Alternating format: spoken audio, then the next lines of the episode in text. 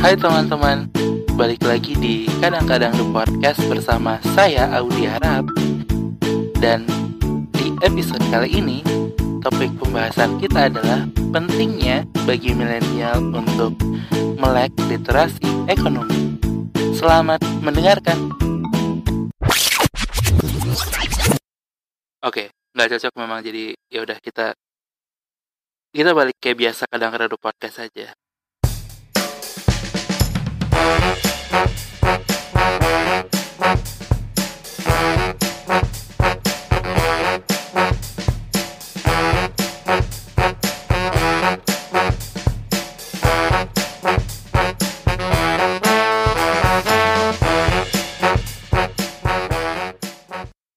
Selamat datang di Kadang-Kadang The Podcast episode 66 uh, Perkenalkan nama aku Audi Harahap Umur 22 tahun Dari Medan, Sumatera Utara.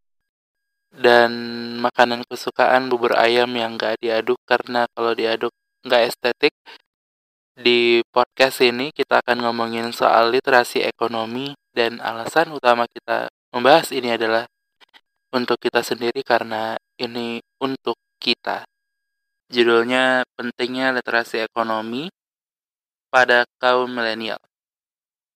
Uh, selama 30 menitan ke depan kita mungkin akan ngomongin hal-hal di sekitar literasi ekonomi, apa itu literasi ekonomi, lalu cara menyikapi literasi ekonomi, uh, hubungannya literasi ekonomi dengan milenial, ditambah lagi hubungannya literasi ekonomi milenial dan pandemi mungkin. Jadi kita akan ngomongin di sekitar itu dan kita akan belajar bareng-bareng, belajar sama-sama. Bedanya mungkin adalah untuk kalian yang sama sekali nggak tahu dan aku yang hari ini akan ngejelasin adalah aku cuma agak niat aja untuk nyari, sementara kalian belum coba nyari gitu. Jadi uh, beda kita tipis banget. Kita sama-sama coba keep up dengan topik ini. Uh, semoga nyaman untuk didengarkan. Sebelum mulai, aku cuma pengen memberikan sebuah survei yang aku baca di uh, sebuah artikel survei di sebuah artikel ya benar uh, survei OJK mengatakan bahwa dari 100% masyarakat Indonesia tiga hanya 38,03% yang memiliki literasi ekonomi. Uh, apa itu literasi ekonomi? Kita akan obrolin di segmen selanjutnya, tapi sebelum mulai segmennya lagi nih, ada satu hal lagi yang pengen aku bilang. Um, mungkin ini juga berasa sekali di teman-teman yang milenial gitu kita kita yang milenial yang yang masih muda-muda ini berasa banget kita tuh sering banget ditabrakin sama stereotip bahwa anak muda konsumerismenya tinggi konsumtif foya-foya nggak nabung apa pun itu semua stereotip jelek itu sering banget muncul di kita gitu. Padahal uang aja nggak punya apa yang mau dikonsumtifin gitu. Uh, kita sering banget dihadapin sama stereotip itu apakah itu benar nggak tahu sih karena kan stereotip harusnya bisa benar bisa salah. Tapi kalaupun itu benar ya kita pelajari bareng-bareng lah supaya nggak buruk-buruk banget citranya. Oke uh, kita mulai episodenya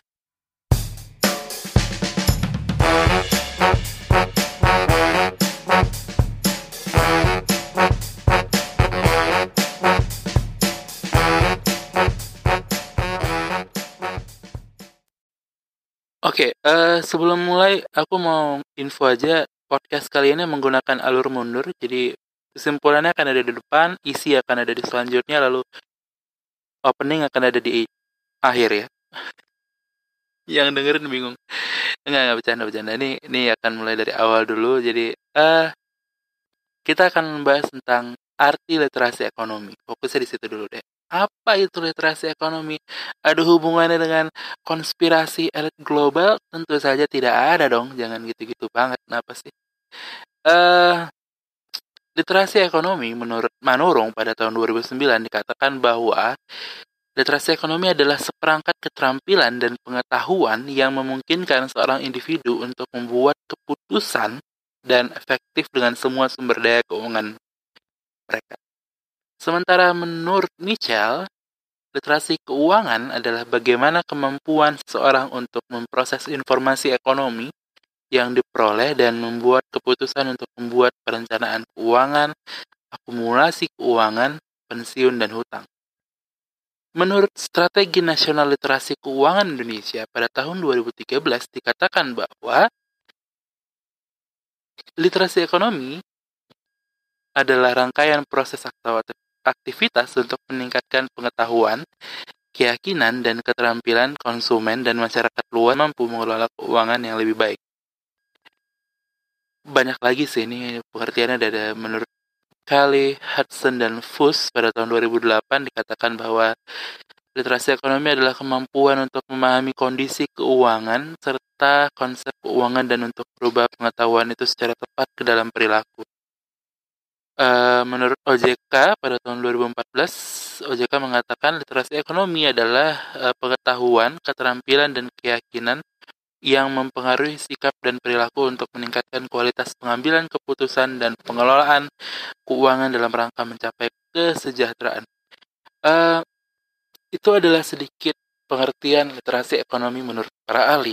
Uh, tapi sebenarnya yang paling simpel sih untuk mengartikan literasi ekonomi tanpa perlu melihat kesimpulan para ahli dan segala macam, iya penting sih. Cuman simpel-simpelnya gini, literasi ekonomi adalah literasi dan ekonomi. Literasi kan sebenarnya uh, artinya adalah pengetahuan, kemampuan untuk mengetahui.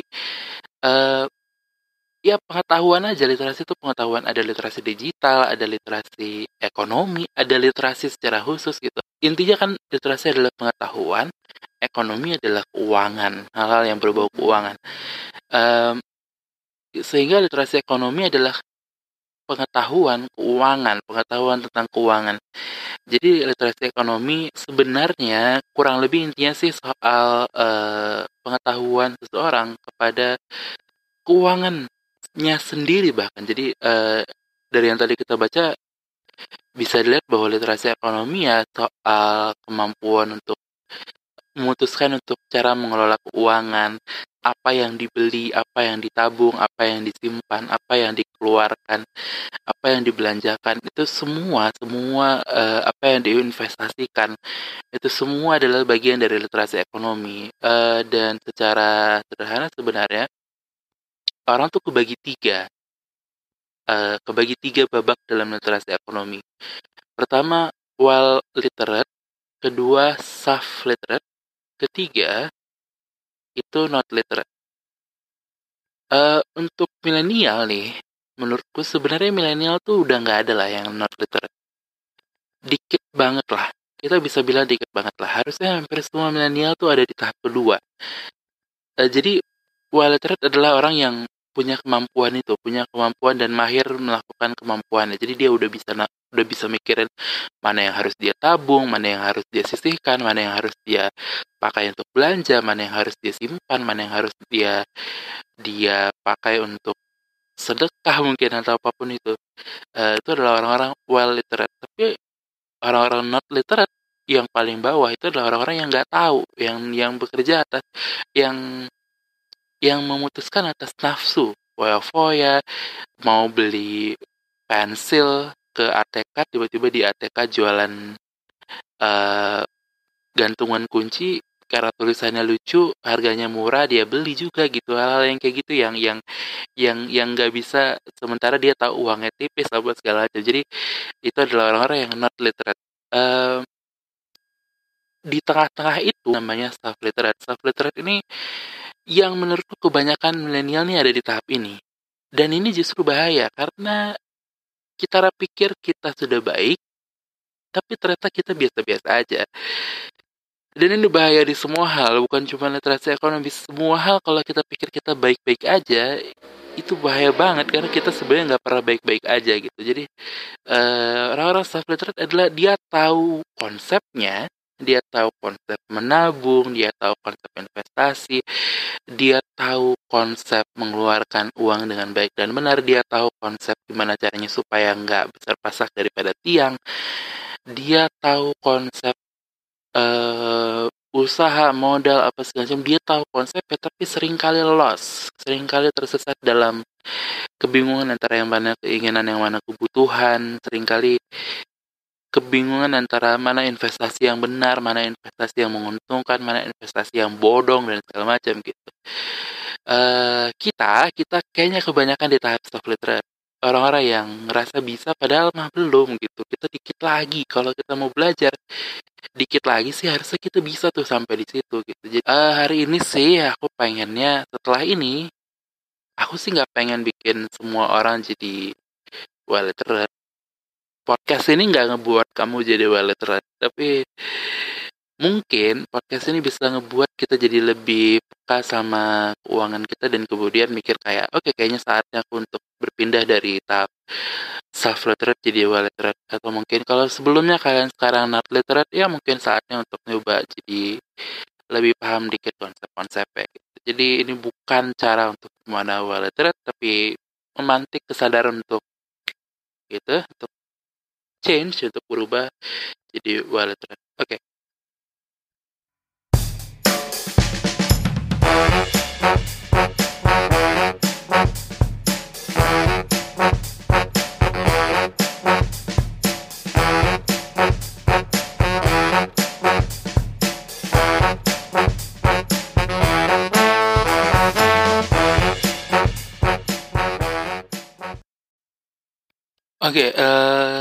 Sambung lagi obrolannya, tapi sekarang sebenarnya kita mau fokus ke literasi ekonominya.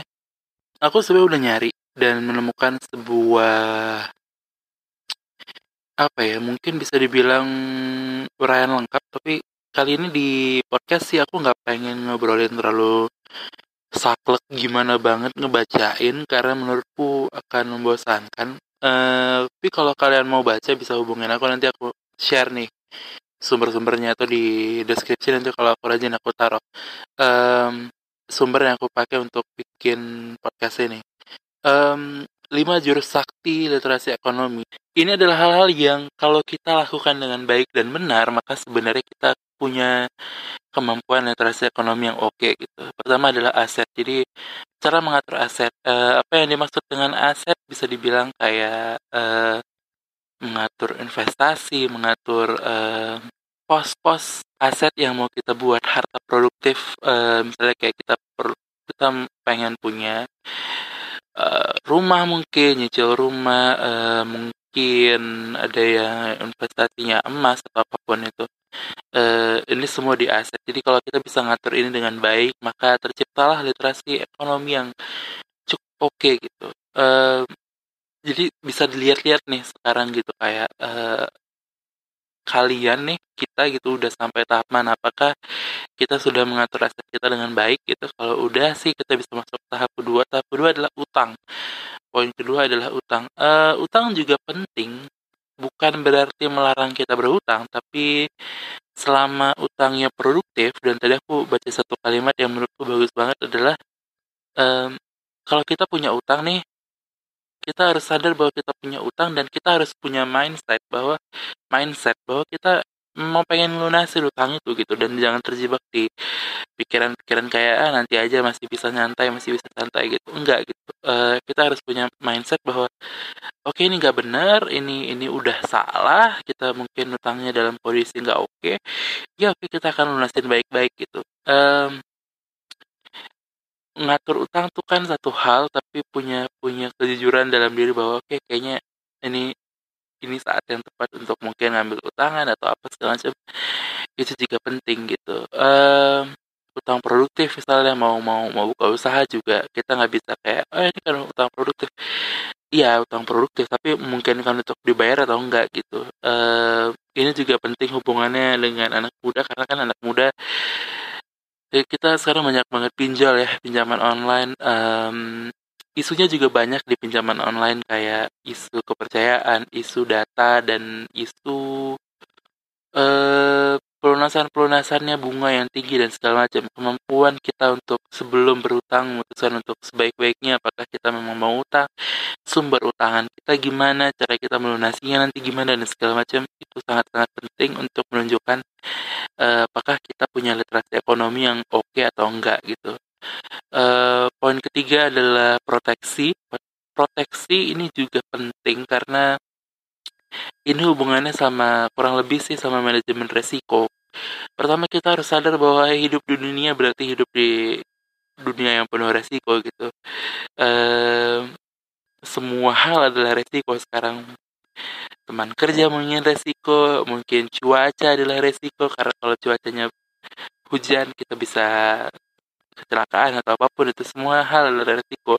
Kemampuan untuk mem mem memproteksi diri dari resiko-resiko ini uh, itu khususnya dengan keuangan hubungannya dengan asuransi uh, dengan menjaga aset-aset kita dan segala macam gitu. Uh, dan ini juga sebenarnya hubungannya dengan keluarga asuransi kesehatan asuransi barang dan segala macam gitu kesadaran kita bahwa kita dipenuhi resiko dan sehingga kita punya uh, kita memilih untuk memproteksi diri kita dari resiko-resiko itu uh, membuat kita berarti punya literasi ekonomi yang cukup. Uh, poin keempat adalah menabung, uh, saving. Um, menabung tentu saja adalah bagian utama sebenarnya. Jadi uh, dan dan menabung bukan cuma sekedar menyisihkan sebagian uang setiap bulan ya, tapi tabungan seperti apa? Uh, ada banyak sekali jenis tabungan. Uh, di satu bank yang sama mungkin ada ber, beberapa jenis tabungan segala macam um, kemampuan kita untuk memilih menseleksi kita menabung dalam bentuk apa dan dan pos-pos tabungan kita uh, tabungan dan darurat atau apa pun itu uh, itu semua uh, ketika kita melakukannya dengan baik tuh kemungkinan kita punya literasi keuangan yang oke okay, gitu poin kelima yang juga penting adalah pengeluaran. Pengeluaran uh, berarti bahwa nah ini ini ada satu juga poin penting yang tadi aku baca dan aku kayak ini menarik. Yang pendapatannya kecil merasa dia nggak perlu ngatur pengeluaran karena nggak ada yang mau diatur.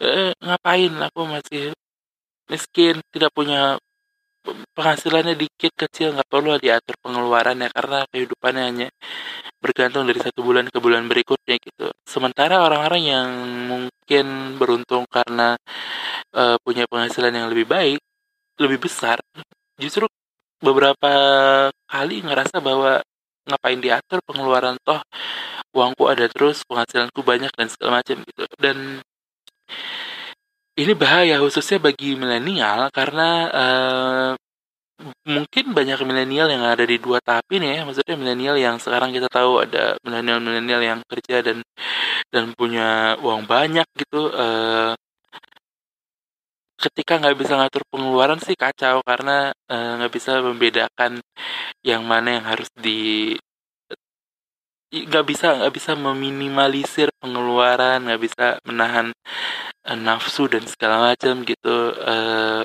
si kacau. Dan juga untuk yang penghasilannya sedikit kecil merasa nggak perlu ngatur pengeluaran karena toh nggak ada juga yang mau dikeluarkan sebenarnya eh, nggak e, bisa dipertahankan mindset itu. Karena kecil-kecilnya penghasilan ya penghasilan dia tetap perlu dialokasikan dengan baik dan benar gitu um, intinya sebenarnya adalah uh, aku nemuin juga satu kalimat yang menurutku satu satu poin yang menurutku juga penting dalam dalam hal literasi ekonomi paling simpel dari literasi ekonomi adalah ketika kita tahu e, mengatur penghasilan. Ketika penghasilan masuk, kita bisa membagi ini jadi tiga pos. Pos pertama adalah biaya hidup, pos kedua adalah rekreasi, dan pos ketiga adalah tabungan. Um, ini udah paling simple deh daripada bentuk-bentuk yang lain. Jadi begitu penghasilan masuk, kita bisa ngatur berapa berapa persen yang dipakai untuk biaya hidup, berapa persen yang bisa dipakai untuk rekreasi, berapa persen yang dipakai untuk tabungan.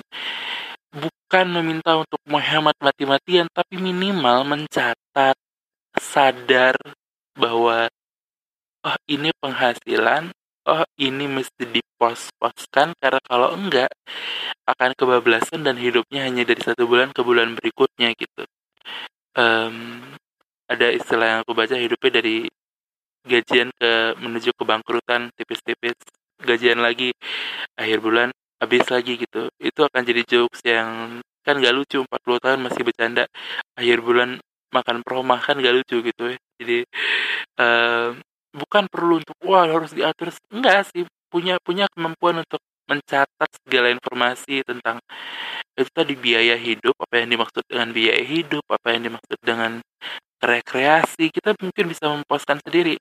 Menurut kita mungkin nonton Coldplay adalah biaya hidup bagian dari biaya hidup ya mungkin kita bisa masukin ke situ. Tapi kemampuan itu keinginan untuk untuk mencatat dan dan dan dan memahami keuangan um, menjadikan literasi ekonomi kita lebih baik gitu. Jadi sekali lagi poinnya tadi adalah aset utang proteksi menabung pengeluaran.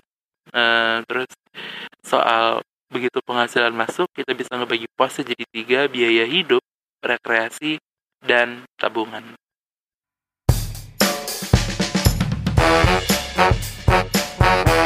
Oke,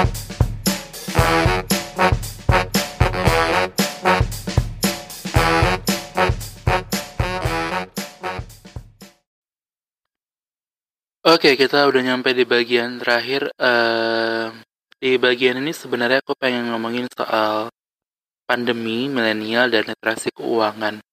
Uh, aku udah ngumpulin beberapa data yang waktu bacanya sih aku sedih karena merasa kayak wow sedih juga gitu.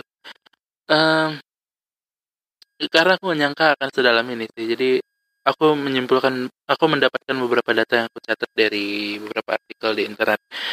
Uh, data pertama yang bikin aku kaget adalah uh, 68% selama masa pandemi ini generasi milenial itu mengalami penurunan pendapatan 68%. Um, dan ini adalah hal yang besar gitu sehingga kalau kita nggak punya literasi ekonomi yang baik, gimana caranya ketika penurunan pendapatan kita bisa tetap ngatur gitu. Kalau kita nggak punya literasi ekonomi yang baik jadi kenapa lagi-lagi inti dari podcast ini adalah kita harus punya ketertarikan lah keinginan untuk belajar soal literasi ekonomi yang baik gitu. Uh, juga data yang bikin aku kaget adalah uh, ini soal tadi ya balik lagi ke aset utang proteksi menabung dan pengeluaran gitu. Uh, data yang aku dapat 93% dari 100% milenial nih di survei uh, membayar tanggungan atau cicilan uh, atau hutang tanggungan cicilan atau hutang. Jadi kalau tadi aku bahas poin keduanya adalah utang maka bayangin betapa pentingnya mengatur utang dengan baik mengatur cicilan dengan baik di masa pandemi, di masa pandemi, di masa semua orang lagi sibuk ngatur uangnya, semua mengalami pendapatan penurunan, tapi harus tetap membayar cicilan dan hutang gitu. Jadi kalau nggak dipikirin dengan matang sih kacau. Uh, data selanjutnya yang juga aku dapetin, ini juga bikin sedih. Uh, ini mengikuti poin proteksi poin proteksi dari 100%, 52% milenial itu menanggung iuran BPJS keluarga. Artinya kalau kita nggak bisa menyisihkan dengan baik biaya proteksi dan segala macam, ini kacau gitu. Jadi ah, lagi-lagi harus punya kemampuan literasi ekonomi yang oke.